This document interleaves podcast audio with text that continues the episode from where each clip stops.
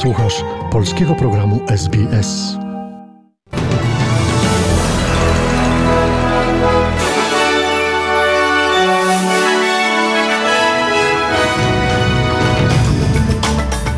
Oto skrót doniesień w niedzielę 26 czerwca. Premier Anthony Albanese leci do Hiszpanii na spotkanie przywódców NATO.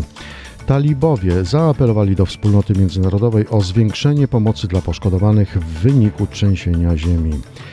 Prezes Prawa i Sprawiedliwości Jarosław Kaczyński wyrusza w trasę po Polsce, odwiedzając okręgi partyjne.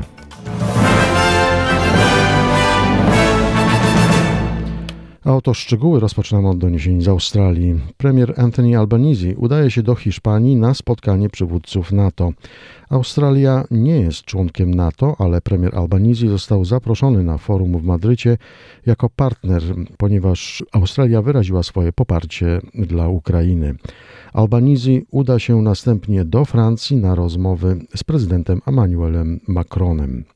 Oto dalsze doniesienia. Szef Skarbu Państwa Jim Chalmers zapowiedział, że przedstawi zweryfikowaną prognozę wzrostu lub spadku inflacji pod koniec przyszłego miesiąca. Bank Rezerw przewiduje, że do końca tego roku inflacja wzrośnie do 7%, co zwiększy znacząco presję na koszty utrzymania. Charles powiedział ABC, że 7% jest zgodne również z jego oceną. Zaktualizuję tę prognozę pod koniec lipca i weźmiemy pod uwagę najnowsze informacje, jakie posiadamy na temat gospodarki. Bank Rezerw powiedział, że będzie to około 7%. Nie wydaje mi się, że może być inaczej, powiedział szef Skarbu Państwa. Australia zapewni dodatkową pomoc w wysokości 1 miliona dolarów e, na wsparcie ludności Afganistanu po tragicznym trzęsieniu ziemi. Minister Spraw Zagranicznych Penny Wong powiedziała, że wsparcie zostanie udzielone za pośrednictwem agencji ONZ, które już działają na dotkniętym obszarze i pomagają sfinansować koszty zapewnienia schronienia, żywności i pomocy medycznej dla poszkodowanych. Jest to dodatkowa pomoc do sumy 140 milionów dolarów obiecanych Afganistanowi od września zeszłego roku. Tymczasem talibowie zaapelowali do wspólnoty międzynarodowej o zwiększenie pomocy dla poszkodowanych w wyniku trzęsienia ziemi. Przypomnijmy, na skutek wstrząsu, który nawiedził w środę Afganistan, zginęło ponad 1100 osób, a około 2000 zostało rannych. W piątek na skutek wstrząsów wtórnych zginęło co najmniej 5 osób. Do trzęsienia ziemi doszło we wschodniej części Afganistanu.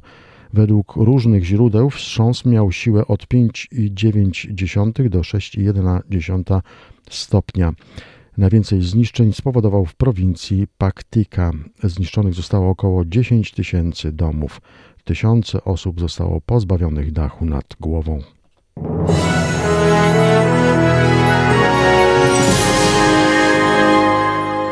Przechodzimy do pozostałych informacji ze świata. Podczas próby wtargnięcia migrantów do Melili zginęło co najmniej 31 osób. Informując o tym hiszpański La Razón powołuje się na dane uzyskane w marokańskich placówkach medycznych. Jednocześnie dziennik dodaje, że z nieoficjalnych informacji wynika, iż liczba ofiar może wzrosnąć do 45. W piątek rano około 2000 osób próbowało sforsować ogrodzenie graniczne i wtargnąć do hiszpańskiej enklawy w północnej Afryce.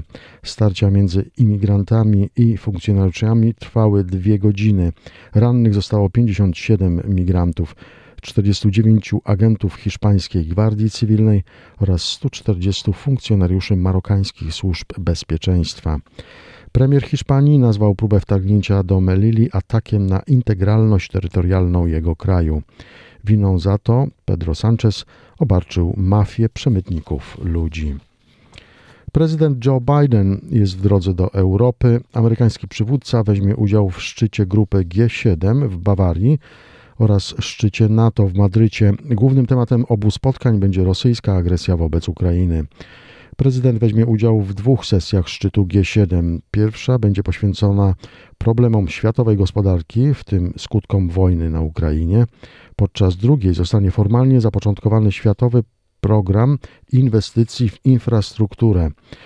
Rozmowy przywódców G7 będą także dotyczyć używania energii przez Rosję jako broni przeciwko Zachodowi i sposobom zapobiegania tego typu działaniom.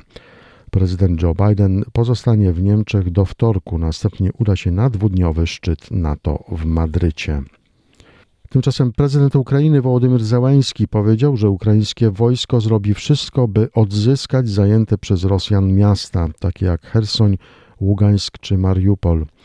Jak stwierdził, obecnie trwa trudny emocjonalnie i psychologicznie okres wojny, bo Rosjanom zależy szczególnie na złamaniu oporu i woli walki Ukraińców. Wołodymyr Zełenski w wystąpieniu opublikowanym w mediach społecznościowych przypomniał, że w ciągu czterech miesięcy wojny ponad 20 tysięcy ukraińskich żołnierzy zostało odznaczonych za męstwo. Jak zaznaczył, przy tej skali oporu Rosjanie nie są w stanie złamać Ukraińców i dlatego wszystkie okupowane tereny wrócą do państwa ukraińskiego.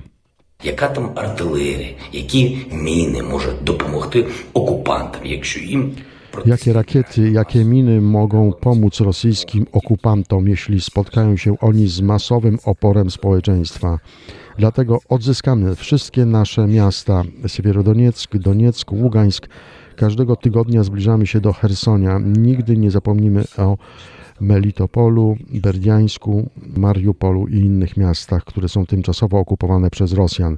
Wszystkie te miasta wrócą do Ukrainy, powiedział prezydent.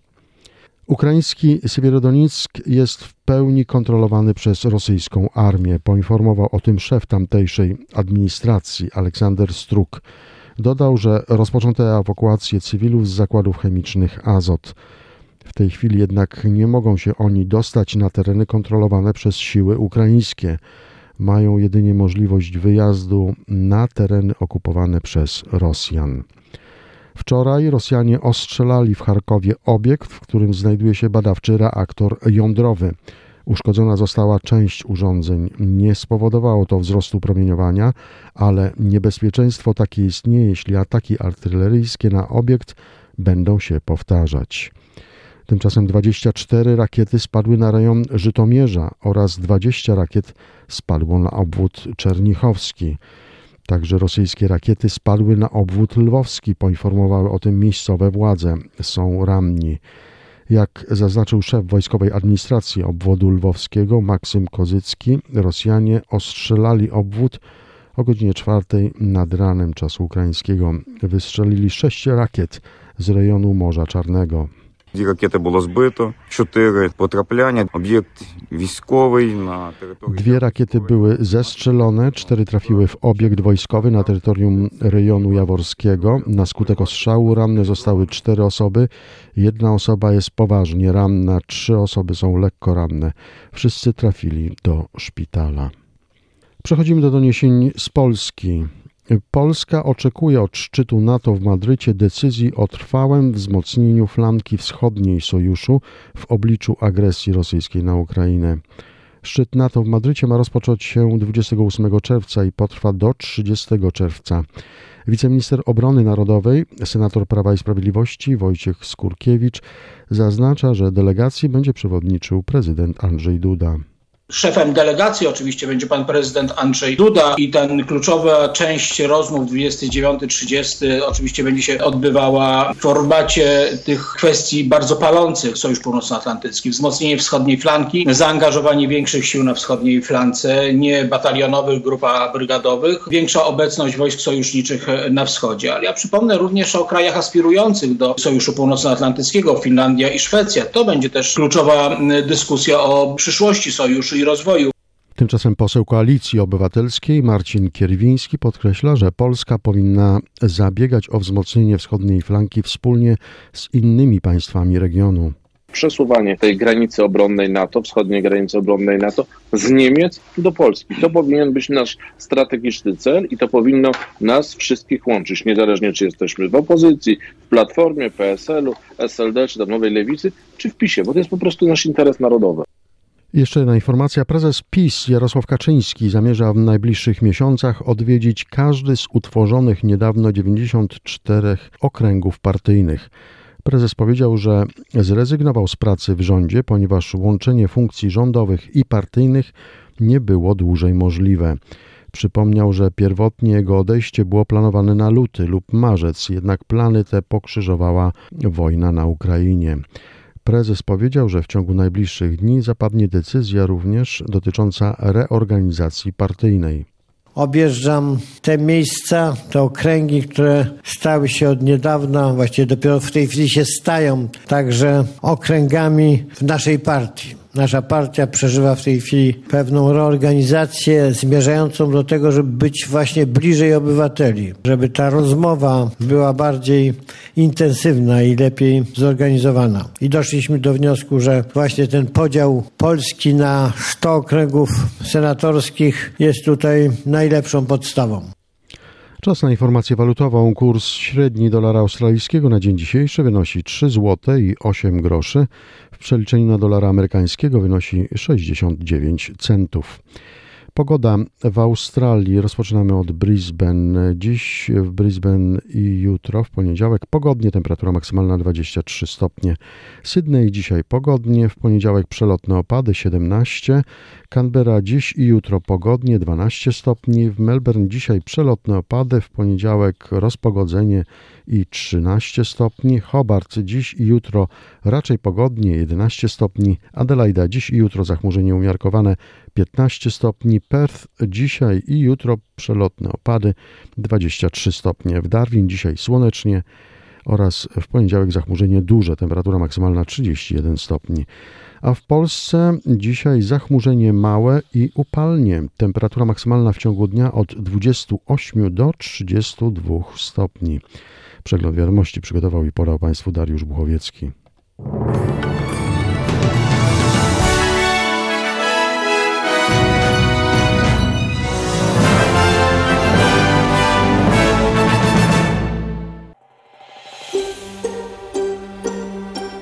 Zainteresowało Cię?